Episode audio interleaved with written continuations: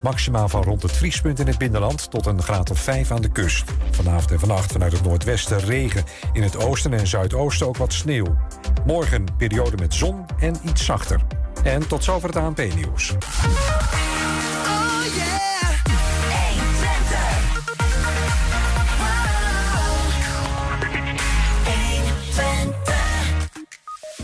HALT is vandaag gestart met een proef in Glanenbrug... die bij succes mogelijk landelijke navolging krijgt. De insteek jongeren helpen die dreigen met justitie in aanraking te komen... te behoeden voor de gevolgen van het strafrecht.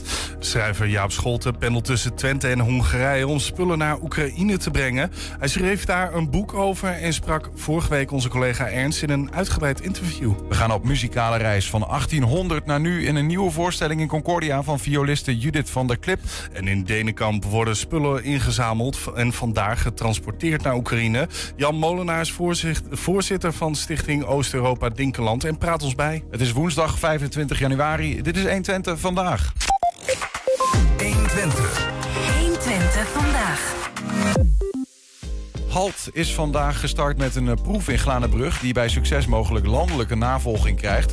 De insteek is om jongeren die dreigen met justitie in aanraking te komen te helpen... zodat ze niet met de gevolgen van het strafrecht te maken krijgen. HALT, vroeger bekend als eh, bureau HALT... werkt hierin samen met de gemeente Enschede en politie. Aan de Zoom is Annika Janssens van HALT. Annika, goedemiddag. Goedemiddag. Eh, misschien voordat we op die proef komen, even goed om dat uit te leggen. Ik ken HALT dus als bureau HALT. En vooral van toen ik in groep 8 zat en dat uh, jullie op bezoek kwamen om te vertellen dat het niet wijs was om uh, vuurwerk wat op de grond lag nog een keer aan te steken. Of om uh, molotov cocktails door ramen te gooien. Maar wat doen jullie precies? ja, daar zijn we inderdaad het meest van bekend. Um, nou ja, HALT staat, is eigenlijk een landelijke organisatie die um, staat voor um, jongeren een kansrijke toekomst te bieden. Mm -hmm. doordat als ze de fout in gaan, dat ze dat daarvan leren en dat ze dus ook uh, dat mogen herstellen. En nou ja, opgroeien, daar, daar gebeuren ook fouten mee. Dus dat is ook echt helemaal geen enkel probleem.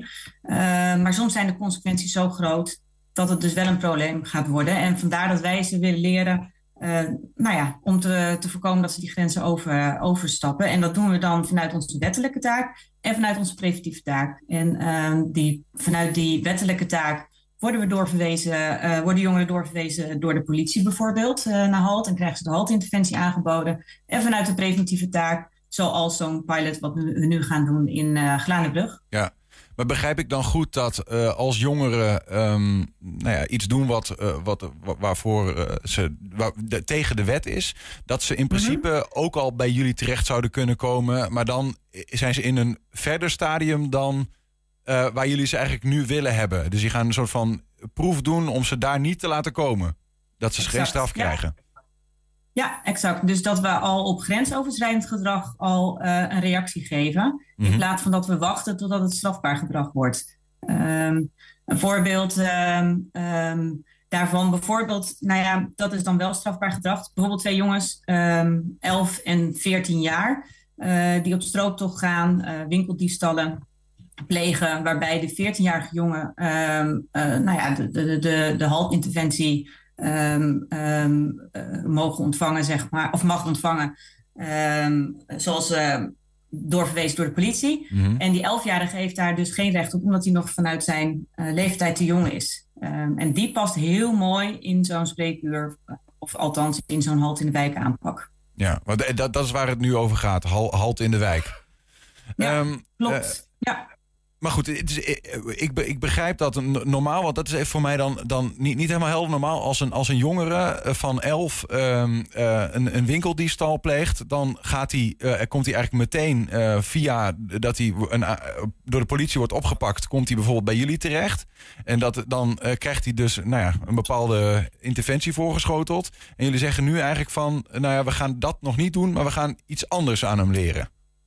Nou, als je elf bent, mag je dus nog niet uh, naar HALT. Want okay. uh, wij zijn uh, voor, vanuit HALT zijn wij voor de jongeren tussen de 12 en de 18 jaar. En als jij 11 bent, dan kan dat dus nog niet. En wij willen wel zo vroeg mogelijk al wel reactie geven op grensoverschrijdend slash strafbaar gedrag. Ja. En vandaar dat nu ook deze pilot is ontstaan. Omdat wij ook gewoon zien dat het ook steeds vroeger nou, jongeren de grenzen op gaan zoeken. En die pilot is voor jongeren tot 12 of in principe ook ouder? Ja, ook ouder. Ook, Ja, ouder. ja. ook als eh, jongeren ehm, een, iemand van 14 eh, grensoverschrijdend gedrag laat zien, waarbij bijvoorbeeld geen aangifte is gedaan eh, of kan gebeuren, dan kan dat ook een casus zijn voor halt in de wijk. Ja, ja, dus eigenlijk eh, als, je, als er aangifte tegen jou wordt gedaan en eh, je krijgt eh, met de politie te maken die je dan, nou ja, uiteindelijk dat je bij justitie komt, dan kun je een probleem hebben dat je met het strafrecht in aanraking komt. Jullie zeggen van, nou ja, als dat nog niet gebeurd is, dan kun je wel bij ons komen om eigenlijk te leren van, ja, hoe kan ik voorkomen dat het opnieuw gebeurt? Moet ik het zo zien? Ja, klopt. Ja, je, ehm, we hebben ehm, eh, nu op dit moment dan de mogelijkheid om preventief naar ons verwezen te worden. Ehm, en sowieso, hè, jongeren mogen sowieso één keer tegen de lamp lopen. Dus die kunnen sowieso ook bij HALT de HALT-interventie aan de achterkant eh, ontvangen. Dus als politie echt een jongere ook doorverwijst, Ja, eh, dan hebben ze altijd een tweede kans voordat ze überhaupt bij justitie komen. Dus dat is altijd nog een trap verder. ja, ja. Wij zijn sowieso een buitenstrafrechtelijke maatregel. Ja. En, en waarom gebeurt dit dan nu? Want er zit dus in principe, je zegt al, een, een stap tussen. Jongeren komen altijd eerst even bij jullie. En dan pas, eh, als het er nog een keer gebeurt, gaan ze eventueel eh, komen ze met justitie in aanraking. Maar nu Ja. bouw je er nog een stap tussen, als ik begrijp. Klopt, ja. We willen jongeren nog eerder willen we ze zien. Want ook te- als wij met jongeren en ouders in gesprek gaan, dan signaleren we ook. Dus dan eh, kunnen wij ook eh, nog eerder kun je eh, reactie of ehm, gedrag eigenlijk in de kiem smoren. Ja, Ehm, en dat is wel wat ook gemeente wil en ook andere partners. Eh, er wordt heel veel jeugdoverlast ervaren. En ehm, nou, niet alles is strafbaar, waardoor ook de politie daar wat mee kan. Ja. En soms ehm, wil je wel gewoon nou ja, reactie op, op gedrag of op een groepsdynamiek die ontstaan is. Mhm. Op straat bijvoorbeeld. Ja, en dan, eh, eh, dan is dit een hele mooie inzet. ja. Maar komen er alleen jongeren in deze proef terecht... die dus nog iets eerder plaatsvindt... als eh, het gedrag niet door de politie kan worden opgepakt? Of, eh, dus, oftewel, stel dat iemand inderdaad een strafbaar feit pleegt... waar ze gewoon door de, met de politie in aanraking komen... dan komen ze niet in dit preventieve, in, in deze proef terecht, neem ik aan. Nee, exact. Klopt. Ja. Dus dit is een Dan stapje worden ze eerder. verwezen. Ja, wel, wat voor een soort gedrag, waar moeten we aan denken... waardoor jongeren bij deze, in deze proef terechtkomen? Nou, bijvoorbeeld ehm, ehm, verbaal, eh, verbale agressie, fysieke agressie, vernieling, ehm, straatintimidatie. Eh, kijk, en daar zitten ook nog wel eh, wat, bijvoorbeeld vernieling is ook een strafbaar feit. Maar niet altijd is er aangifte gedaan. Dus daar zit wel het verschil. Ja, ja. En door, hoe, komen, hoe komen dan? Want normaal eh, brengt dan de politie eh, mensen bij jullie. En dan, eh, nou ja, dan is het eigenlijk al, nou ja, dan is het al een beetje te laat in die zin dat dan nou, heb je zo, eh, sprake van een ander soort interventie van jullie kant. Maar hoe komen, me- hoe komen die jongeren dan nu bij jullie voor deze nieuwe proef, waarbij het een stapje lager is, zeg maar? Ja, dat zijn eigenlijk alle partners die in de wijk ook actief zijn. Dus eh, denk aan jongerenwerk, eh, de eh jeugdboa's, eh, wijkcoaches, ehm, ehm, ouders zelf soms. Die dus echt zeggen, oh, ik zit met mijn handen in het haar, help. Ehm, of eh, ook de politie even goed. Mhm. Als er dus een zaak is die niet strafrechtelijk vervolgd kan worden. Dan komt zo'n jongere eh, eh, bij jullie. En nou ja, ik neem aan dat ouders daarbij altijd eh, betrokken zijn. Wat- Zeker, ja. Wat, wat doen jullie dan met zo'n jongere om te, ja, nou ja, om te helpen? Ja, nou dan hebben we sowieso de gesprekken met jongeren en eh, de ouders. Ehm, we hebben het over het gedrag, dus we proberen ook heel erg die bewustwording op gang te brengen. Hè, van, nou ja, om, om ook de, de oorzaak van het gedrag te achterhalen, zodat we kunnen voorkomen dat het nog een keer gebeurt. Ehm, ouders, daar, die betrekken we daar ook zeker heel actief bij, omdat we ook eh, willen kijken van, ja, hebben ouders misschien ook nog wat nodig? Nog een extra hand eh, reiken we daar naartoe om eh, nou, eventueel lichte opvoedondersteuning bijvoorbeeld eh, te geven, te bieden. Maar soms is het wel gewoon naast de ouder staan ook heel, heel prettig voor de ouder. Ja, Ehm, en jongeren kunnen we ook opdrachten geven.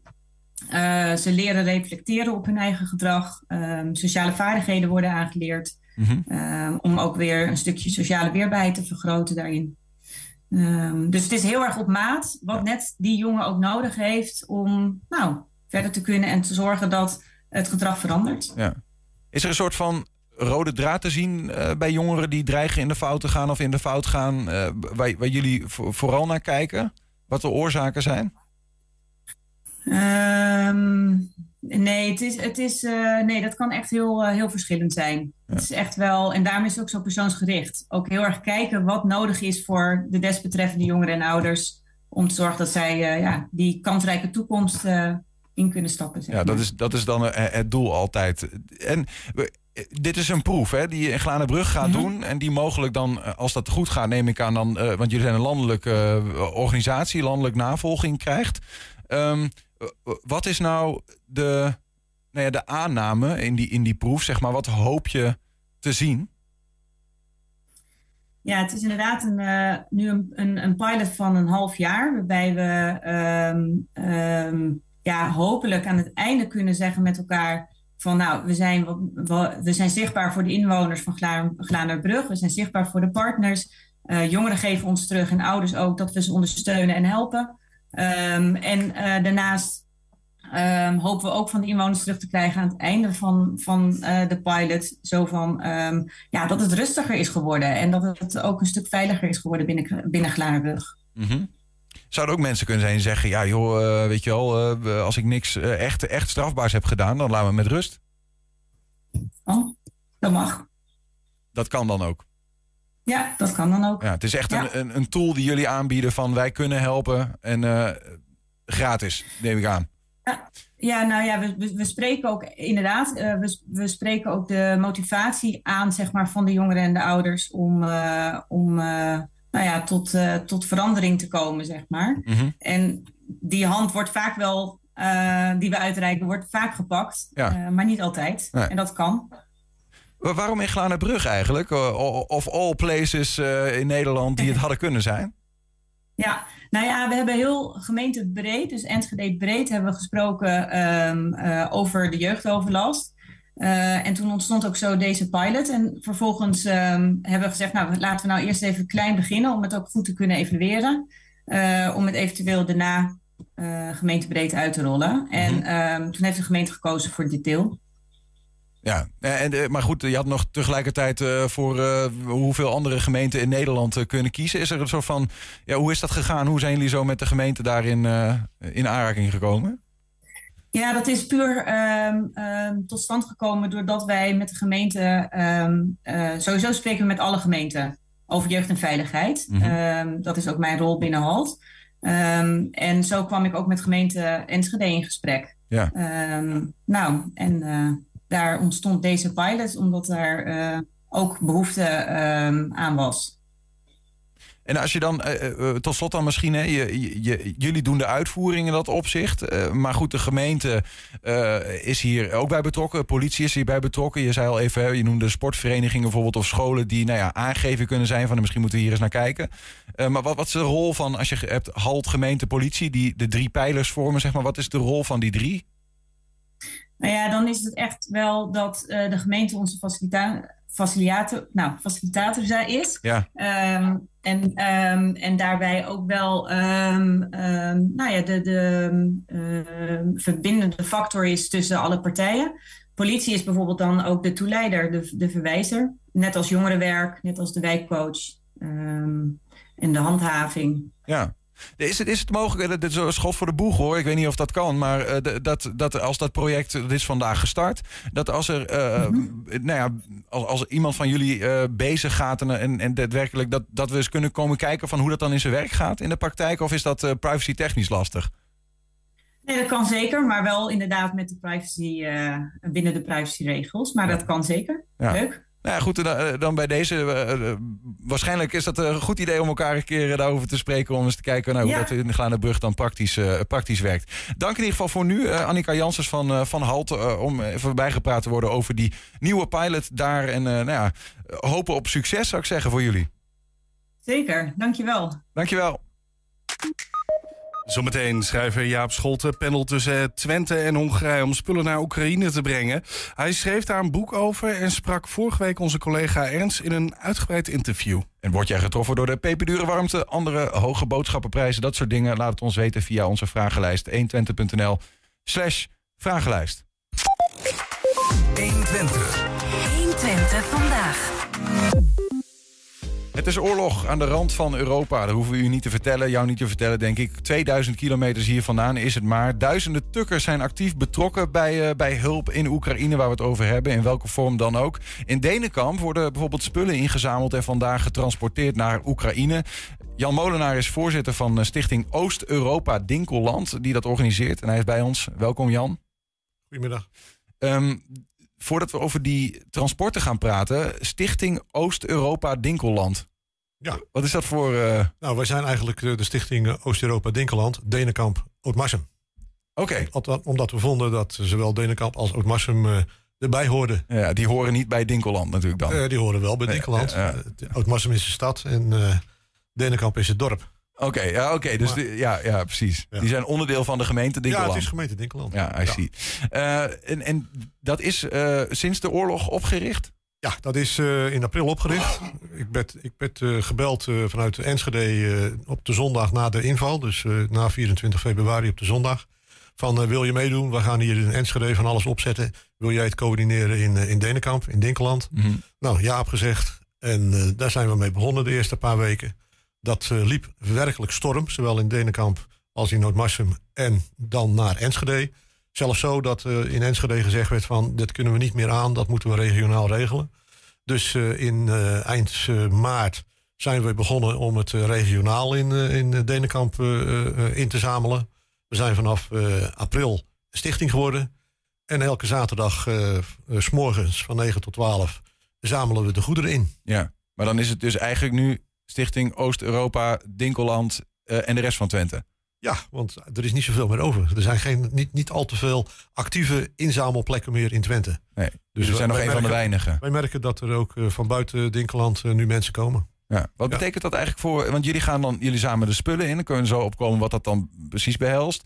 Maar voor hoeveel, hoeveel keren per uh, maand, jaar, weet ik we veel? We gaan één keer per maand, zoals het er nu uh, steeds uitziet. Uh, aanstaande donderdag, dus ja. vandaag over, morgen over een week... gaan we weer met een volle auto, volle vrachtauto, richting Kiev. Ja. En die spullen die komen vanuit heel Twente? Die komen, komen vanuit heel Twente, met wel de nadruk op uh, Denenkamp en omstreken. Ja. ja. We, en we, zien een foto van wat spullen die daar dan worden gebracht. Maar kan het van alles en nog wat zijn of zit daar een uh, restrictie aan? Het zijn wel de eerste levensbehoeften en de dingen die men nodig heeft om te wonen en te leven. En dat bedoel ik voed uiteraard, kleding, mm -hmm. maar ook medicijnen. En ja, zo dekens, eigenlijk van alles, bestek, borden, pannen. We gaan nu ook wat meer kijken naar wat dingen die ze echt uh, op dit moment nodig hebben. Dat zijn aggregaten. We hebben er op dit moment vier klaarstaan die volgende week donderdag ook richting Oekraïne gaan. Ja. We hebben een hoog... Omdat de elektriciteit het soms niet meer goed De elektriciteit die valt geregeld uit. Ja. En ja, zowel de huizen als een aantal winkels en, en dat soort zaken willen toch doordraaien. Mm -hmm. En dan zijn ze natuurlijk aangewezen op een alternatieve bron. En dat zijn bijvoorbeeld aggregaten. Ja. Dat zijn grote en kleine aggregaten. En, en, gaan jullie dan echt tot, tot in het oorlogsgebied? Nee, wij gaan tot, tot Kiev, tot Brova Brovary. Dat Mhm. is net buiten Kiev. Daar hebben we een samenwerking met een foundation. En die foundation die lost onze goederen in hun opslagplaats, warehouse. En dat wordt dan verdeeld tussen de omliggende dorpen. En wat echt naar het front kan, brengen hun met auto's, kleinere auto's, busjes, ja. richting front. En het mooie was dat we uh, een paar weken geleden zagen we dus dozen die wij in, uh, in Denenkamp uh, hadden ingepakt. Het zijn toch dozen die we herkennen. Die zagen wij aan het front in Gerson terug. Oh joh. En via het, is via het nieuws van de, van ja, de Engelse collega's ja, of zo. van de andere collega's. Ja, ja. Uh, zagen we op een gegeven moment zagen we die dozen terug. Dat waren Ja. onze dozen. Nou, dat is dan toch wel mooi. Nou ja, zeker omdat je dan ook ziet dat het inderdaad terechtkomt waar je, waar je hoopt dat het terechtkomt, Het- toch? Want dat weet komt- je misschien niet altijd ja, goed. het, het, ja het, het komt goed terecht. Wij zien eh, dusdanig veel foto's en ook filmpjes. Het komt echt terecht. We zien ook eh, eh, filmpjes voorbij komen dat ze in de buurt eh, inzamelen. Ja. Eh, de- eh, of eh, eh, uitdelen, sorry. Ja. Uitdelen. Dat ze daar echt eh, bij huizen staan. En dat daar eh, mensen eh, staan te wachten in de rij. Die dan een gesorteerde plastic zak met allerlei soorten goederen krijgen. Ja. We hebben, we hebben een, een, een, videootje hier nou ja, van. ik denk- dus mensen die. Ja, deze, oh, deze groep, dit, dit filmpje is, is de groep uit, uit Brovary. Die zijn ook hier geweest trouwens met, de met de kerstdagen. Maar dat zijn de mensen die, die daar uitdelen. Ja, dat is, het zijn jonge mensen, wat ouderen. Het contact is gekomen door mijn logistieke achtergrond. ik kende iemand die, daar, die daar zat. En die zei van nou, onze foundation is er ook. Nou, dan proberen wij het. Ja. Dan gaan we dus volgende week donderdag weer naartoe. Krijg je ook reacties van mensen die dus misschien wel aan, de, aan de, de rand van het oorlogsgebied zitten, hè, die dit zien, of mensen die er zelfs in leven, die nou ja, deels afhankelijk zijn geworden van dit soort transport, omdat de winkels misschien gewoon niet meer doen wat ze moeten nou, doen? Het is een misverstand. Eh, de winkels in, in, in, eh, in Kiev zelf die zijn redelijk bevoorraad. Daar, daar hoeven de levensmiddelen niet echt meer naartoe. Maar zodra, buiten, zodra je buiten Kiev komt, dan uh, is er echt behoefte aan. En die vragen krijgen we ook. we hebben nu ook gezegd van zeg maar eens wat je nodig hebt. Nou ja, dan komt alles wat je als eerste levensbehoefte nodig hebt tot zeep, tandpasta, maar ook gewoon kleding. Uh, die, dat hebben ze nodig. Uh, dekens, uh, lakens. Ja. Als er iets gebeurt, dan is in één klap is natuurlijk alles weg. Dan hebben ze zelfs geen borden meer om van te eten, om maar eens wat te noemen. Mm. Dus ze, hebben, ze, kunnen eigenlijk alles wel gebruiken. Ja. Als voorbeeld gaan er nu ook volgende week 56 bedden die ter beschikking gesteld zijn doordat iemand ging vernieuwen in een, in een bungalowpark. Uh, gaan daar naartoe. En je ziet nu toevallig uh, zie je een, uh, ledikant met twee kinderen. Dat ledikant komt uit Denenkamp. Ja. En wij zagen de foto en we zeiden van hier, nou, daar liggen ze. De kinderen liggen er nu, nu in. Daar doe je het voor. Daar doe je het voor. ja.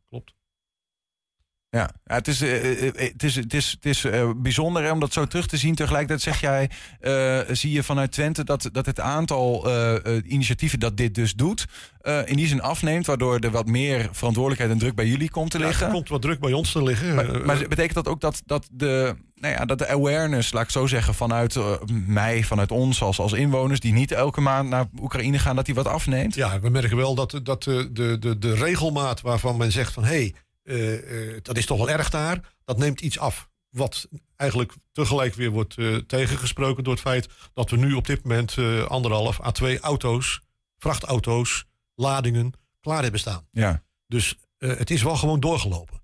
Maar het is een ander, ander type mensen die het, nu, die het nu brengt en die ons de dingen geeft. En dat is? Wat voor type? ja, dat zijn de mensen die zeggen: wat heb je nou echt nodig? In het begin kwam iedereen en alles, kwam alles brengen. Hartstikke mooi.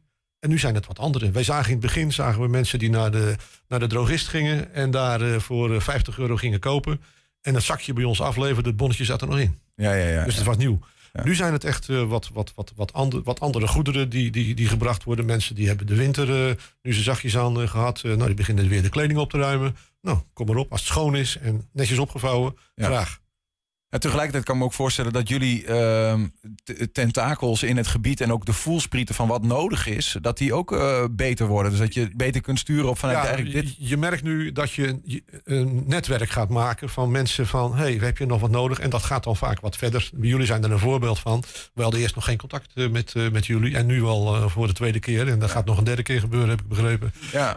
het gaat gewoon, ja, het gaat wat verder en wat, wat, uh, ja, wat georganiseerder. Ja, sterker nog, ik bedoel, wij, uh, een collega van ons, Ernst, die gaat uh, samen met een andere collega in ieder geval met, met jullie mee, echt op, op het transport. Om ook te kijken van nou, hoe werkt dat dan in de praktijk. En ook te zien waar het terecht komt. Mogelijk zelfs nog iets verder zelfs nou het, het, land in om te kijken waar het daadwerkelijk uiteindelijk ja, ik heb onze, wordt. Ik heb onze foundation in, in Kiev al daarvoor ingelicht dat er een, een, groep hun kant op komt. Nou, alleen maar prachtig. Er is daar ook contact met een, uh, met een journalist. En hun kunnen in, uh, in, in kleinere auto's of in een busje... kunnen ze mee wat verder het land in. Ja. Als jij dan zelf, hè, als jij mensen eh, die uh, luisteren, zou moeten meenemen in wat je staat wat dichter bij het vuur, letterlijk gezegd, zeg maar. Ja. Dus je hoort ook meer verhalen ja. van um, wat, wat, is, wat heeft jou zelf geraakt, waardoor je er nog steeds bij blijft? Nou, wat mij raakt is eigenlijk uit het verleden dat je daar zag dat de mensen vol vertrouwen naar de toekomst keken echt, echt zeiden van wij gaan hier een mooi land van maken. En dat dat nu wordt aangevallen. En dat er dus nu allerlei schade wordt toegericht. Maar de mensen zeggen ook van het deert ons niet. Wij gaan gewoon door. Wij blijven hier en we gaan opbouwen en we geven niet op. Wij zullen het winnen. Mhm. En winnen is natuurlijk uh, een, een, een begrip van winnen ten koste van wat. Uh, mijn kleinzoon zei van, wat hebben ze eraan? Ze gooien alles kapot en dan is het land weer, uh, weer van hun. Dat, dat, dat, dat is natuurlijk wat er in feite nu gebeurt. Aan de andere kant, de Oekraïners geloven in de overwinning en die geloven in de herbouw op een heel korte termijn. Ja, waarbij ik wel begrijp dat, uh, dat in ieder geval zeker nog twee jaar nodig is om, uh, om überhaupt weer terug te kunnen keren. Stel dat de oorlog nu zou stoppen. Ja, als de oorlog nu stopt, dan ben je wel even bezig om weer wat op te bouwen. Maar aan de andere kant, er zijn ook flatgebouwen die geraakt zijn. Mhm. Een aantal maanden geleden, die een week later alweer in opbouw waren. Mhm. En, en dat, zijn, dat is een, een, een, een doortastendheid en een vastberadenheid van de Oekraïners. Ja. Die, eh, die je niet overal in andere landen vindt. Die mensen die bij jullie eh, club zitten, hè? Ja. en die dus ook eh, bijvoorbeeld eh, op zo'n vrachtwagen eh, dat transport brengen en zo. Wat, wat drijft hen? Wat is, een, eh, wat, wat, wat is dat Ja, voor even mensen? misverstand eh, wegwerken. Eh, wij werken met Oekraïense transportbedrijven. Oké, Dus er zijn, het zijn geen Nederlanders die daar naartoe gaan. jullie zamelen het in. Wij zamelen in. Ja, En op het moment dat we een vrachtauto nodig hebben, dan eh, ga ik in mijn netwerk kijken of dat er eh, iemand is die op dat moment eh, eh, auto's beschikbaar heeft. En ja, daar moeten we dus voor betalen. Mhm. Eh, voor, voor alle andere goederen uiteraard niet. Maar de vrachtauto, de vrachtkosten moeten we betalen. In het begin waren dat eh, minimale kosten. Dan zei men van nou, als je ons de, de dieselolie betaalt, dan hebben wij een auto voor jou die eh, naar Kiev rijdt. Maar ja, dat kunnen ze natuurlijk ook niet lang volhouden. Hun hebben ook gedacht van het duurt niet zo lang, maar het duurt veel langer. Ja. Dus de prijzen die stegen. En ze zijn eigenlijk vanaf juli, augustus gelijk gebleven. Maar wat je altijd zag, ook buiten de oorlogstijd, is dat het in december en januari de vrachtprijzen enorm gingen stijgen. Ja, men bleef wat meer thuis. eh, de feestdagen kwamen eraan. eh, eh, het werd ook minder, minder goed weer. Dus toen stegen de prijzen. ja. En ik heb toevallig vandaag een vrachtauto geboekt voor een prijs die dan weliswaar hoger ligt dan je gewend bent, maar alweer gezakt is ten opzichte van eh, twee weken geleden. Dus Ja, ja, het gaat zich ja. weer herstellen, maar het kost gewoon geld. En daar heb je ook donaties voor nodig. Daar hebben we donaties voor nodig. Eh, onze donatie, eh, onze QR-code staat op de website. Hm. En ja, we proberen door allerlei mailingen en contacten, wederom de contacten, onder andere businessclubs en bedrijven aanschrijven om, om geld te verzamelen. Dus de donaties. Loopt nog niet zo hard. Daar kan nog wel wat bij. Ja, nou ja, bij, bij deze. ehm, als we toch dan met iemand spreken die, nou ja, ehm, misschien dan één handshake away is van mensen die daar echt komen en die de situatie zien. Eh, Wat, wat, wat voor eh, echt concrete verhalen, zeg maar, eh, zijn jou eh, bijgebleven die je daar hoort, eh, wat daar gebeurt in dat land? Nou ja, in het begin eh, van de oorlog eh, kreeg ik alle minuut van mijn eh, contacten al eh, foto's eh, dat ze in de schuilkelder zaten. En dan ken je die mensen van het zakelijke contact. Hè, dat je daar gewoon op een kantoor op bezoek komt voor een, eh, voor een zakelijke bespreking. En diezelfde mensen die stuurden dan daarna foto's eh, dat ze in de schuilkelder zitten. Met een heel ander gezicht. Met een verschrikt gezicht. Je krijgt ook eh, contacten met eh, mensen die op de veertiende etage van een flat wonen. Maar die zeggen van ja, als we hier gaan blijven wonen... moeten we wel elke dag 14, 14 etages omhoog en omlaag. Mhm. En er zijn kleine kinderen bij. Dat soort verhalen hoor je. Plus, ja, het werk is natuurlijk stukken minder geworden. De, de, de economie die krijgt daar enorme klappen. Eh, er is eigenlijk nog maar 20% van de productie op dit moment eh, aanwezig. Dat is ook eh, een van de redenen dat ik heb geprobeerd om voor bijvoorbeeld een schilderes schilderijen in Nederland te verkopen. Ja, ja. En dat is gelukt. Ik kende die, die dame toevallig zakelijk. En die zei van ja, ik, ik ga minder werken, 20 procent. ik ga maar schilderen. Ik zeg schilderen, jij schildert. Ja, zal ik eens een paar dingen doorsturen? Nou, dat was prachtig. ja. En vervolgens, eh, ik zei, nou, dat zijn hartstikke mooie schilderijen. Zullen we die eens proberen in Nederland te verkopen? Nou, graag. Nou, met wat omzwervingen en de kennis die je dan hebt van eh, hoe je die spullen de grens over moet krijgen. Op een legale manier trouwens. Dat gaat dus van Eh, Oekraïne naar hier. Gaat van Oekraïne Ja. hier naartoe. Is, is gratis hier naartoe gebracht. Ja. Ze zijn hier in, in- een atelier in Ootmarsum tentoongesteld. En van de zes kon ik er in korte tijd vier verkopen. Kijk, dus er zijn allerlei creatieve manieren waarop... Er eh, zijn allerlei creatieve ja, manieren. ja. En, dan- en dan wordt het geld weer teruggestort naar Oekraïne. Eh, het gaat zo- het geld gaat terug eh, naar Gaat Oekraïne. het ook met die vrachtwagen mee? Eh, nee, dat gaat netjes eh, via de bank. ja, ja, Want ja. dat werkt nog steeds. Ja, precies, Dus de ja. banksystemen werken. En ja, de schilderes is daar uiteraard eh, goed beter van geworden. Ja. De- Nou was zeker in het begin, hè, nadat die oorlog net was ontstaan, was er, was er altijd een beetje het idee van ja, hè, waarom, hoe kan het nou dat wij eh, met Oekraïne zo meer betrokken zijn dan met andere oorlogen in de wereld? Hè, wa- wa- wat voor antwoord heb je daar zelf op? Want je hebt vast niet bij alle oorlogen in de wereld dit soort eh, dingen gedaan. Nee, ja, ik was natuurlijk al heel erg betrokken bij Oekraïne. En ik, eh, ik waardeerde het, eh, eh, de bevolking en de mensen. En als er dan zoiets gebeurt wat je eigenlijk niet verwacht, ja, dan word je daar inge- Ja. ingetrokken. Op welke manier was je betrokken? Ik, was, eh, ik had een logistiek eh, bedrijf. En ik ging daar eh, toch zeker vier keer per jaar ging ik daar naartoe. En ja, de, de, de, manier van, van zaken doen is daar iets anders als hier. Je moet eerst een beetje sociaal contact opbouwen. Dus je kent die mensen ook op een andere manier. Mhm. En ja, dan, dan gaat dat eigenlijk vanzelf. Je, je bent elke keer weer verbaasd hoe, hoe ze het oplossen. Maar ook hoe modern eh, en vooruitstrevend ze denken. En ook doen en ook succes hebben. Ja, ja. Ja. Dus ja, het, het is, lijkt me wel vreemd als je dan eh, inderdaad vier keer per jaar in zo'n land komt. En nu eigenlijk eh, ja, vanaf de zijland mo- moet toezien hoe het land eh, langzaam maar Ja, wordt is, wat dat geschoten. betreft is heel emotioneel, want je ziet natuurlijk allerlei dingen. En met name in de steden, of in de plaatsen waar je geweest bent, daar zie je nu dus de puin op straat liggen. Ja. Erger nog, toen het in Kiev tot, een, tot een opstand kwam, ja, dan zie je daar eh, de slachtoffers op de straat liggen. En de straat, daar heb jij gewoon overheen gelopen Ja. in vredestijd. Dat is raar. De metro, die eh, helemaal vol is met mensen die daar slapen. Ja, toen ik in Kiev was, sliepen er ook wel mensen, maar dat waren zwervers. Maar dit zijn mensen die vluchten voor het geweld. In het metrostation. En toen maakte je foto's van de roltrappen die zo diep de grond in gingen. En ze zeiden, ja, die gaan diep de grond in, want als er ooit een kernoorlog gaat eh, gebeuren, gaan we hier zitten.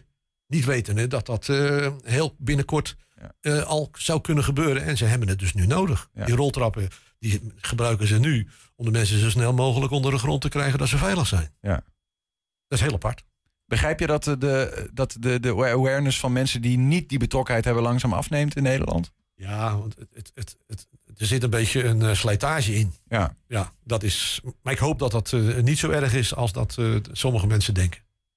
Je moet, je moet een beetje betrokken blijven. En eh, je ziet ook in de nieuwsprogramma's, het app nu een beetje weg.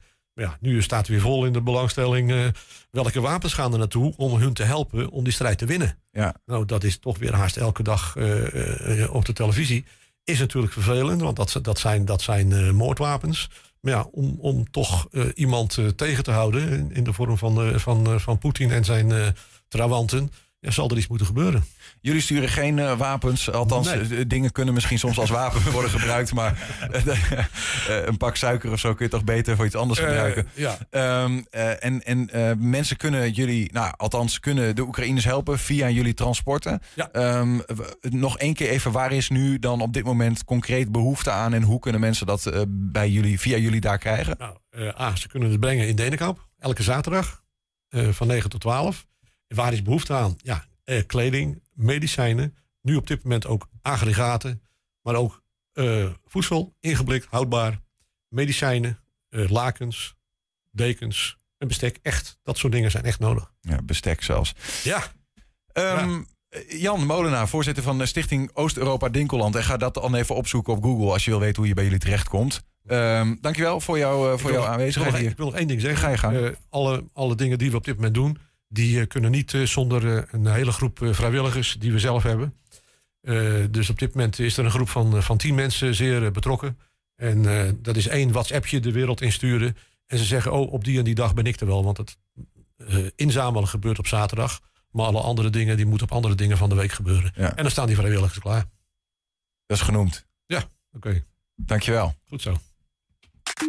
Zometeen gaan we op een muzikale reis van 1800 naar nu in een nieuwe voorstelling in Concordia.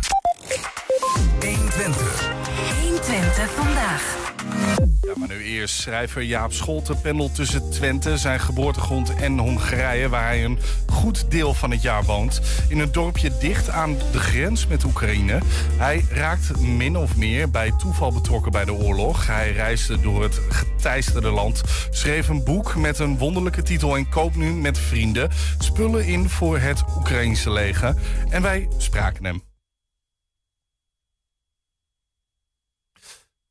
En dan wachten we nog heel eventjes tot het geluid het eventueel doet. Maar dat is ja toch iets wat, eh, wat ergens anders... eh, ja.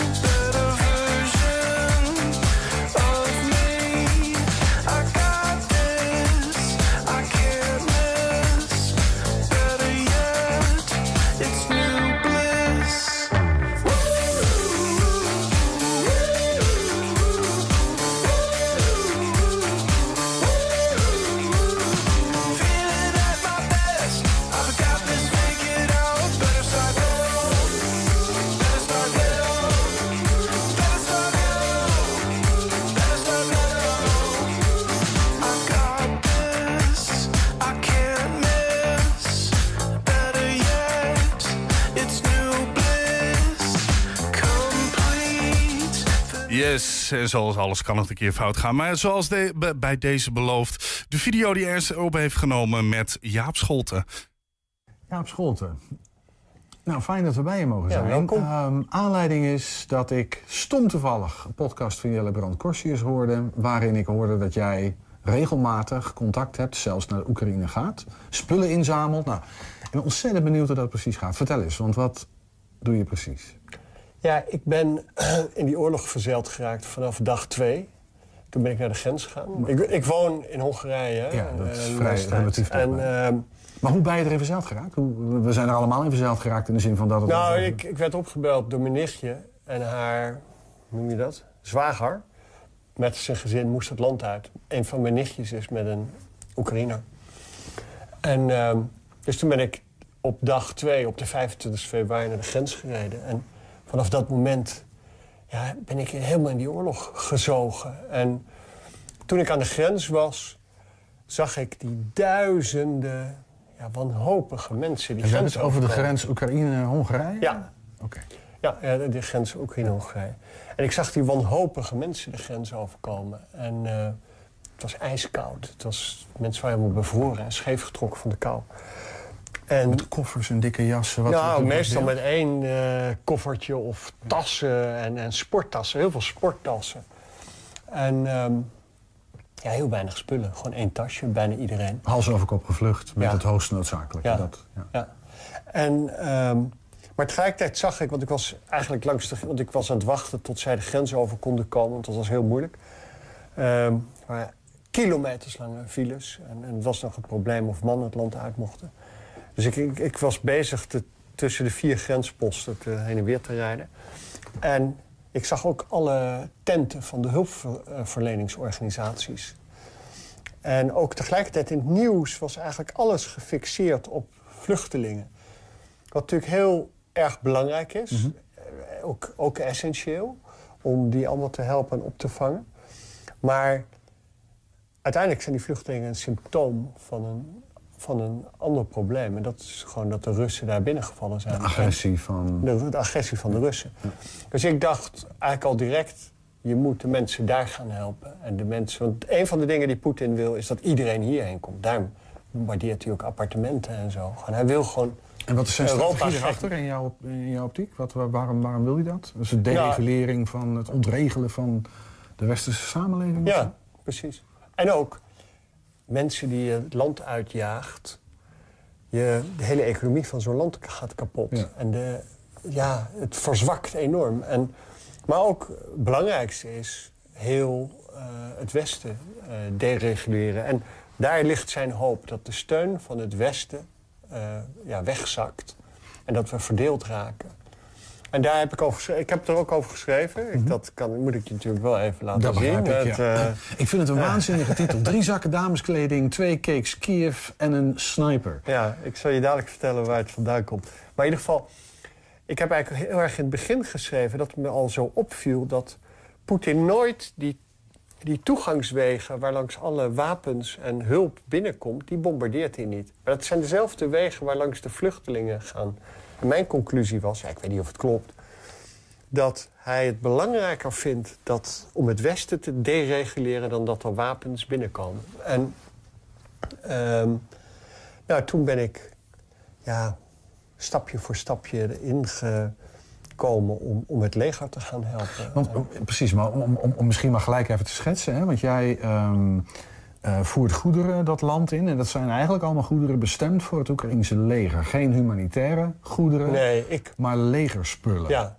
Nou, je hebt bijvoorbeeld ook de Leeuw van Kiev. Dat is een andere organisatie. Die doen heel veel humanitaire hulp uit Nederland. Daar werken we ook veel mee samen. Ehm, maar wij hebben onze eigen niche. Dus zij, zij voeren nu, hebben 1100 generatoren klaarstaan om weer daar naartoe te brengen. Zij doen het echt heel groot. De Leeuw van Kiev, onthoud die dan. en ik ben met, met vrienden Protect Ukraine begonnen. www.protectukraine.nl En ehm, wij concentreren ons op het leger te helpen. En Maar het, het, vroeg me af, want eh, eh, eh, woon jij in Hongarije, dus een halve Nederlander, een halve Hongaar, maar dan nog. Hoe, hoe kom je in contact met het Oekraïense leger om te zeggen, jongens, we willen jullie... Want dat was in het begin waren dat helmen, scherfvesten, dat soort dingen volgens mij ook. Ja. Eh, ik, ik heb scherfvesten, helmen. Eh, hoe, ik, ik probeer me voor te stellen hoe dat dan gaat. Je, je moet, je moet Ja. contact leggen met dat leger. Ja, en nou, die ik moeten had, dat ook nog leuk vinden ook. ik je had dat- geluk. Ik, ik kreeg, omdat in Boedapest heel veel vluchtelingen kwamen... hebben we met een heel groep vrienden in Boedapest... Ik had dus al, wij hadden twee, uiteindelijk twee gezinnen bij ons op het platteland. Ehm, twee Oekraïnse gezinnen met kinderen. En ehm, dus daar van hen... Want elke avond was ik met die Oekraïners aan het drinken. Dus ik hoorde alles. En iedereen zat de hele tijd op zijn telefoon. Dus je, ik, en ik was ook eh, in al die Telegram-appgroepen geïntroduceerd. Dus ik, ja, ik kreeg ontzettend veel informatie. Want dat was in het begin eigenlijk onge... Ja, niet, het was niet, ge- hoe noem je dat? De, de- niemand controleerde dat wat daar gepubliceerd werd. Alles stond er gewoon op. En, ehm, maar toen met vrienden in Boedapest hebben we iets opgericht om de Oekraïners te helpen. Veel Engelsen waren daarbij betrokken. En daardoor kwam ik ook met een Engelse jongen in contact... die net uit Oekraïne weg, uit Kiev weg was gegaan. Met een eh Oekraïnse vriendin. En daarmee kwam ik in contact met een jongen in Kiev, Dima. En via Dima ben ik in een heel netwerk gerold. En ja, in een oorlog moet je mensen gewoon heel erg vertrouwen. En, en eh, moet je gewoon dingen heel snel doen. Want wij zijn eigenlijk al gaan helpen ongeveer voordat eh, overheden gingen helpen. En eh, Vanuit welk motief? eh, Wat, wat triggerde dat in jou om dat, om dat überhaupt te willen? Ik bedoel, je ving al mensen op. nou ja, je had je bijdrage geleverd, kan je ook zeggen. Maar jij voelde toch de drang om meer te doen. ja, nou, Wat is dat in jou? Ik heb eerder een boek geschreven, Kameraad Baron... over wat er gebeurd is tijdens het communisme met aristocratie in Transylvanië. En toen me heel erg verdiept in die Sovjet-repressie. En ik zag al direct dat alles zich herhaalde. En toen Gerson werd bevrijd, werden direct burgemeesters en raadsleden en iedereen eh, uit huis gehaald. Nou, en je weet, die worden naar een kelder gebracht en gemarteld. Ik bedoel, dat is, en ook zelfs de martelmethodes, alles is hetzelfde. De, de mensen worden op dezelfde manier gemarteld. En, ehm, dus ik zag hoe alles, hoe die totale terreur zich herhaalde. En ik dacht, ja, ik wil niet. ik wil dat niet. Ik kan dat. dat dat Jij kan niet je langs de zijlijn blijven nee, staan. ik dacht, je Dat kan niet op niet. mijn stoel blijven zitten. En, en toen kwam ik via Dima, Dima in contact met een student medicijnen. En die stuurde mij een lijst op met wat hij nodig had om levens te redden. En toen ben ik dat gaan verzamelen. Het waren tourniquets, ja, trauma packs, alles. Ja, het hele gesprek met Jaap Scholten staat vanavond online. Kijk op onze website 120.nl of het YouTube-kanaal van 120 Enschede. Ja, dus ook zijn we als podcast te luisteren via alle bekende platforms. Je vindt daar hele uitzendingen en elke dag één item uitgelicht op 120 Vandaag Uitgelicht. 120. 120 vandaag. De viool. Het is een instrument eh, dat je niet iedere dag ziet. Maar morgenavond in het Theater van Concordia in Enschede... in zijn volle glorie wordt getoond en gehoord. Professioneel violist Judith van der Klip die neemt dan het publiek eh, namelijk mee... door een muzikale reis van 1800 tot nu. En wie denkt dat deze reis saai of oudbollig is... komt bedrogen uit. Judith speelt namelijk niet alleen klassieke muziek... maar staat ook op de grootste podia... als ondersteuning van DJ's als Armin van Buren en Martin Garrix. Ze is nu bij ons eh, via Zoom bij ons. Judith, goedemiddag. Hoi, goedemiddag. Leuk dat ik mag zijn. Nou, leuk, dat je, leuk dat je er bent. Je bent volgens mij nu in Deventer om, eh, om diezelfde voorstelling te spelen, hè? Klopt. Ja, ik moet eh, bijna weg, dus ik ben nog net even thuis. Oh, kijk aan, ja. Nou ja, om trouwens even, eh, voordat mensen denken dat wij dan eh, klassieke muziek samenstellen aan saai en oudbollig. Dat is niet de bedoeling. Maar, be- we- maar wel, er, is, er ligt een soort van, nou ja, dachten wij toch een soort van stigma gedachte op de viool. Dat die vooral samen gaat met klassieke muziek. En die wordt dan door, dat wordt dan door een deel van de samenleving, nou ja, soms wat saai of oudbollig gevonden. Loop jij vaker tegen die gedachte aan?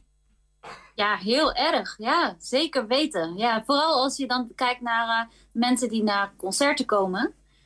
Ja, het is niet altijd zo dat het alleen maar eh, jonge mensen zijn. Dus ik denk dat heel veel jonge mensen denken van... nou, dat is misschien wel helemaal niks voor mij. Maar en, en dan heb je het over klassieke muziek op zichzelf. Ja, gewoon echt een puur eh, klassiek concert. Ja. Ja, dat wel ja. Dus ik denk dat er nog steeds wel een soort stigma is. Dat het misschien suf is of saai of... eh, ja, Ja, gewoon goed. niet voor normale mensen. Nou ja, op de een manier li- lijkt het er ook op dat hoe ouder de mensen worden, hoe meer ze klassieke muziek gaan waarderen. Ik weet ook niet zo goed hoe dat komt. Misschien door de rust die, er, eh, die erin zit. Maar tegelijkertijd, want je, jij, gaat- jij gaat eh, dus vanavond in Deventer, maar morgen dus in Enschede ook laten zien dat die viool veel meer is dan die klassieke muziek, toch? Ja, precies. Want ik denk zelf, het is helemaal niet voor eh, wat oudere mensen. Toen ik eh, echt nog klein was, een jaar of tien, toen luisterde ik naar eh, heel toevallig klassieke muziek op de, op de radio. En we hadden thuis helemaal geen klassieke cd's, niks, helemaal niks. Dus toen kwam ik er ineens achter van, oh wauw, dit is eigenlijk wel heel mooi en heel bijzonder. Ja, Waar, waar, Dus kwam, jij die muziek dat, dan, waar kwam jij die viool dan, dan tegen? In in welke, welk soort muziek? Nou, het begon dus met klassieke muziek. En, eh, maar toen wist ik natuurlijk nog niet zo heel goed eh, wat het instrument precies eh, was. En ik zag wel eens op straat iemand spelen en mijn vader die speelde gitaar. Dus ik dacht dat het een soort klein gitaartje was met een stokje. dus toen vroeg ik of ik ook dat mocht gaan spelen. Ja, ja. En de viool waar je, waarop je gaat spelen, voordat we zo meteen naar een klein stukje trailer gaan kijken van de voorstelling, om even een klein beeld te krijgen van hoe het gaat zijn. De viool waar jij op speelt, is wel bijzonder oud, toch? Ja, die is nu, wat ze denken, hij is in ieder geval 223 jaar. Dat is ouder dan ik ben, in ieder geval. Ik denk iedereen in deze studio bij elkaar opgeteld. Ja, ja, ja. Maar, en is dat, is dat bijzonder voor een viool? Ja, ik zit niet zo goed in de violen, vergeef me. Ehm, nou, er zijn natuurlijk violen die nog ouder zijn. Maar ja, hoe ouder ze worden, hoe minder ervan overblijven. Want het zijn natuurlijk voor een heel groot deel ook gebruiksvoorwerpen. En die gaan gewoon een keer kapot. Mhm. Tenzij het echt de moeite waard zijn om heel zuinig op te zijn en goed te onderhouden. En eh, mijn viool is daar de, een van die het gewoon waard was om goed eh, te onderhouden. Er liggen ook violen van dezelfde bouwer in het eh, Rijksmuseum bijvoorbeeld. Ja. En hoe ouder de viool, hoe beter die gaat klinken, heb ik wel eens begrepen, toch? Of is dat een fabeltje? Nou, het is wel een beetje een mythe, want er worden fantastische nieuwe violen gebouwd. En ze hebben ook wel eens van die testen gedaan, dat ze zo'n eh, viool van een eh, miljoen dan eh, gingen bespelen die heel oud was. En dan een moderne viool Ja. van nu. En dan echte kennis, die hoorden gewoon eigenlijk het verschil niet. Hmm. Dus er zit ook een hele hoop eh, in de naam en in de geschiedenis van zo'n viool. Ja, klopt. Zo, een beetje romantiek. eh, maar de, de- die dan, dan bij wordt verzonnen wat dat betreft. Maar leuk om dat misschien ook gewoon hoog te houden. De oude violen, weet je wel. Daar zit een soort van. eh, daar zit natuurlijk ook een bepaalde romantiek in. Die jij, denk ik, in dat stuk ook. letterlijk gaat tentoonspreiden, toch? In die zin, je gaat eigenlijk de, wat ik begrepen heb, het verhaal van de viool vanaf drie- 223 jaar toen hij geboren werd, tot aan nu, of zij, of het, of hoe je een viool mag noemen. Vertellen. Ja, klopt. Ja, ik eh, had eh, die viool eigenlijk net eh, toen ik begin twintig was. En ik vond een eh, heel klein, het is een beetje een vies verhaal, maar een heel klein bolletje, een soort van bolletje van stof en haar in de viool. En toen haalde ik die heel voorzichtig uit met een pincet en toen zag ik allemaal verschillende kleuren haar. En toen ineens dacht ik, oh, jeetje, die viool is natuurlijk niet alleen maar door mij bespeeld, maar door heel veel mensen voor mij. En toen begon ik echt te denken van, goh, wie zouden dat dan geweest zijn? En wat heeft mijn viool meegemaakt? En toen ben ik eh, met een eh, vioolbouwer die er echt verstand van heeft eh, naar gaan kijken. Zo van, nou, wat, wat kunnen we erover te weten komen? Waar is die gebouwd? Door wie is die gebouwd? En wat heeft hij allemaal meegemaakt? Waar heeft hij gespeeld? En zodoende gaan we helemaal door de geschiedenis heen. En dan ook uiteindelijk nu bij mij, wat ik allemaal met die viool van plan ben en eh, heb gedaan. Ja. Dus eh, zo, zodoende kom je dan door allerlei muziekstijlen heen. En uiteindelijk kom je dan eh, bij mij. En ik speel naast klassiek inderdaad ook veel pop en eh, dance en zo op de viool. Ja, gaan we het zo nog Ja. verder over hebben. Laten we even een stukje kijken naar die, die voorstelling die dus morgenavond in de Concordia speelt.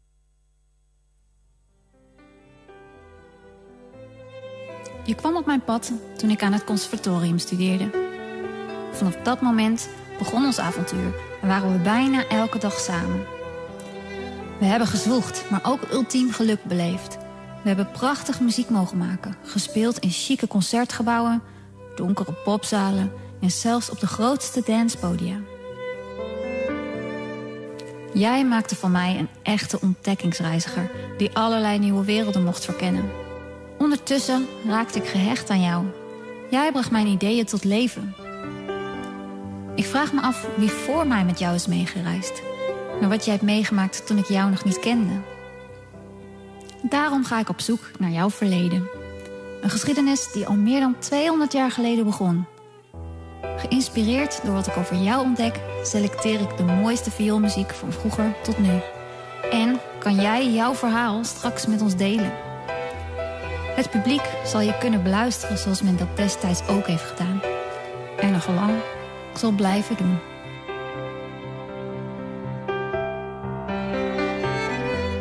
Ja, we horen al Tom Odell. Hè. Dat is, eh, Love. ja, zeker. Ja. Dat is zeker geen klassieke muziek. Dus dat is al een voorbeeld eh, van op de achtergrond eh, die je in de trailer hoort. Zeg maar, Judith nog steeds via de Zoom bij ons. Hoe kom jij eigenlijk aan die viool dan? Ik kwam op het conservatorium en dan eh, moet je ineens hele ingewikkelde dingen gaan spelen. En ja, we kwamen er gewoon achter dat de viool die ik altijd had, ehm, ja, daar, daar lukte dat gewoon niet op, want die had die mogelijkheden niet. Dus toen kreeg ik ehm, een, eh, ja, een paar aan- aanbevelingen van de directeur van het conservatorium en docenten. En, en daarmee ben ik dan naar het Nationaal Muziekinstrumentenfonds gegaan. Mhm. En hebben we een aanvraag gedaan voor een eh, goed instrument. En ehm, nou ja, dan is het maar de vraag of je die dan ook mag. Ja. Dus uiteindelijk eh, eh, mocht het, dus het was goedgekeurd mijn aanvraag. En eh, nou, toen kwam ik in Amsterdam en daar lagen allemaal violen klaar voor mij. En dan mocht ik er een eh, uitzoeken. Het, het klinkt een beetje als het verhaal in Harry Potter 1... wanneer hij zijn toverstok moet uitkiezen. The wand chooses his master. Ja, ja, Was het ook zo met de violen? Of heb je er gewoon eentje die naar jou werd, werd, werd uitgereikt? of moest je echt, echt honderden bespelen om eentje te krijgen? Nou, het was een beetje een bijzonder verhaal, maar ik, ik wil daar niet te veel over vertellen, want dit zit namelijk ook Oh. allemaal in de voorstelling. Oh. Dus ja, anders dan geef ik al veel te Een veel sneak weg. peek dan, Ja. sneak peek. Wat zeg je? Een, een, een heel kort, heel kort preview, iets om, zodat we niet het hele verhaal weten. Kan dat überhaupt? Ehm, ik kan wel een beetje vertellen hoe die voorstelling eh, in elkaar zit. Hoe, hoe, eh, ja, wat je een beetje kan verwachten. Ga je gang. Oké, eh, nou, mijn viool die komt tot leven in de voorstelling. En dat betekent dat hij ineens een stem krijgt. Want ik kijk naar mijn viool en ik denk van ja, wat heeft hij allemaal meegemaakt? Maar hij kan het me niet vertellen. Dus mijn viool, naar aanleiding van het onderzoek, eh, hebben we een acteur. En die speelt de viool. En eh, hij begint ineens te praten. En ik raak met hem in gesprek. En hij vertelt mij wat hij allemaal heeft meegemaakt. En we spelen samen muziek. En hij vertelt mij ook wat hij daarvan vindt. wat soms echt heel grappig is. En eh, ja, eh, er zijn visuals. ehm, allemaal verschillende muzikanten. We spelen ehm, klassieke muziek, maar ook tango en, en dance. En ik heb ook nog een loop eh, station. Ja. Dus het gaat echt alle kanten op. Ik word een beetje En, eh, getriggerd door de, de viool gaat vertellen wat hij, wat hij vindt van de muziek die je speelt. Hè? Ja. Dus iedere voorstelling dan Nou wat ja, anders. Ik stel mij voor dat ik een, dat ik een viool ben. Eh, wel- wel- welke, welke muziek eh, is dan. Welke muziek zegt de viool van? Van ja, nee, ja, je kunt van alles proberen, maar dit is niet voor mij. eh, dit- hier ben ik niet voor gemaakt. Ik zal dat niet, eh, nog niet vertellen, want dat komt ook in de voorstelling. Maar het is iets wat ik echt eh, duizenden keren heb gespeeld op tournee met een zekere band. Oh, jij- Wonderwall. Nee, ja, ja. Nee, maar jij hebt dus zelf heel veel gespeeld, maar dan in de, in, de, in de voorstelling komen we erachter dat die viool denkt van, nou, ik weet niet of ik hier wel zo geschikt voor ben. Nou, die, hij, hij is vooral heel flauw van om het nog een keer te gaan Ja, zo, spelen. ja, ja, ja, ja. ja. Hey, en, en gewoon even een dilemma tegen je aangooien, hè? Want je bent klassiek geschoold. En je speelt op de grootste podia. We zagen het in het filmpje voorbij komen. Met eh, mensen als Armin van Buren, Martin Garrix, Mr. Props. Ehm, als je die moet kiezen, la- eh, kla- klassiek of dance?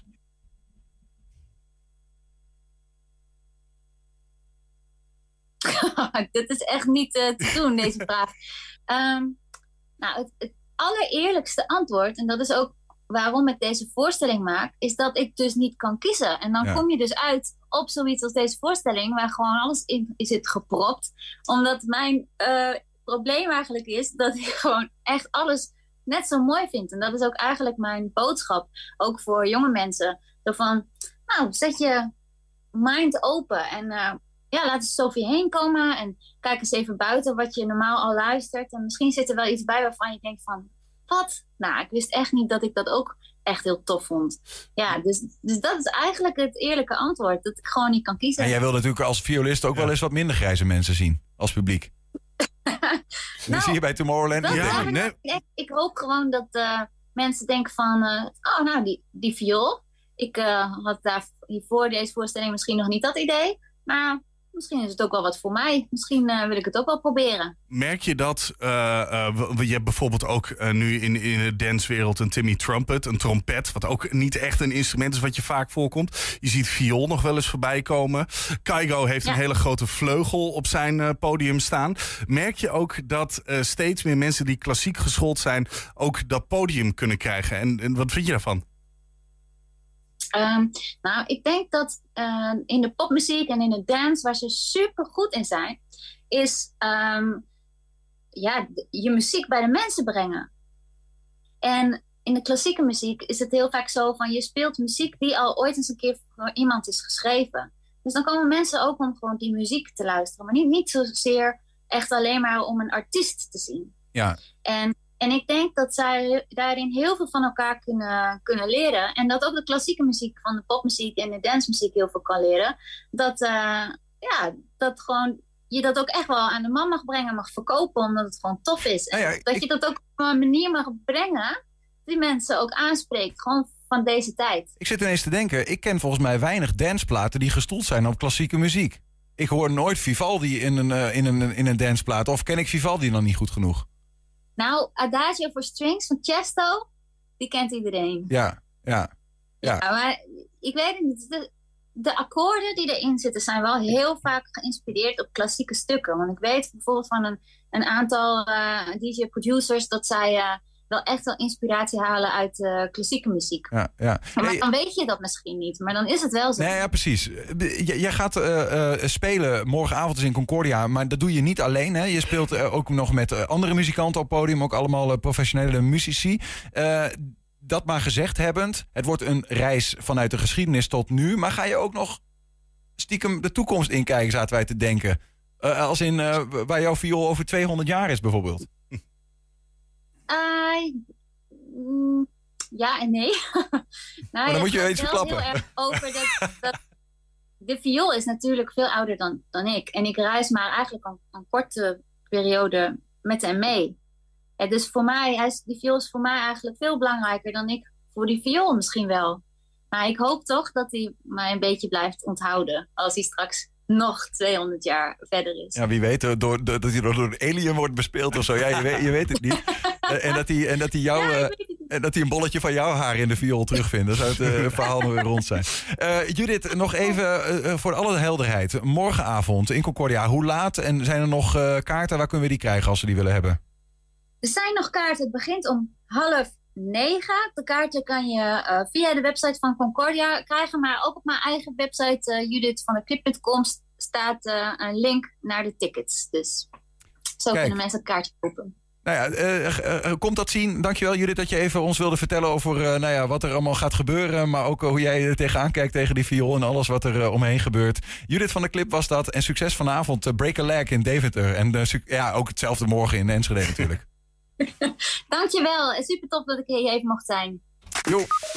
Daarmee zijn we ook aan het einde gekomen van 120 vandaag. Terugkijken, dat kan direct om eh 8 en 10 op televisie. Ook op 120.nl kun je ons gewoon terugvinden. Zometeen op de radio kun je gaan genieten van Henk Ketting. Veel plezier en tot morgen. 120. Weet wat er speelt in Twente. Met nu het nieuws van 5 uur. Goedemiddag, ik ben Peter van Oudheusden. Amerika gaat zo'n 30 Abrams-tanks leveren aan Oekraïne. Volgens Amerikaanse media is er een deal in de maak... en over een uur geeft president Biden een persconferentie. De Abrams zijn te vergelijken met de Duitse Leopard-tanks. Vandaag werd bekend dat Oekraïne er 14 van Duitsland krijgt. In Hoek van Holland is een derde vluchtauto gevonden... van de man die zaterdag een vrouw doodschoot in Zwijndrecht. Er is meteen een inval gedaan in een huis, maar daar was hij niet.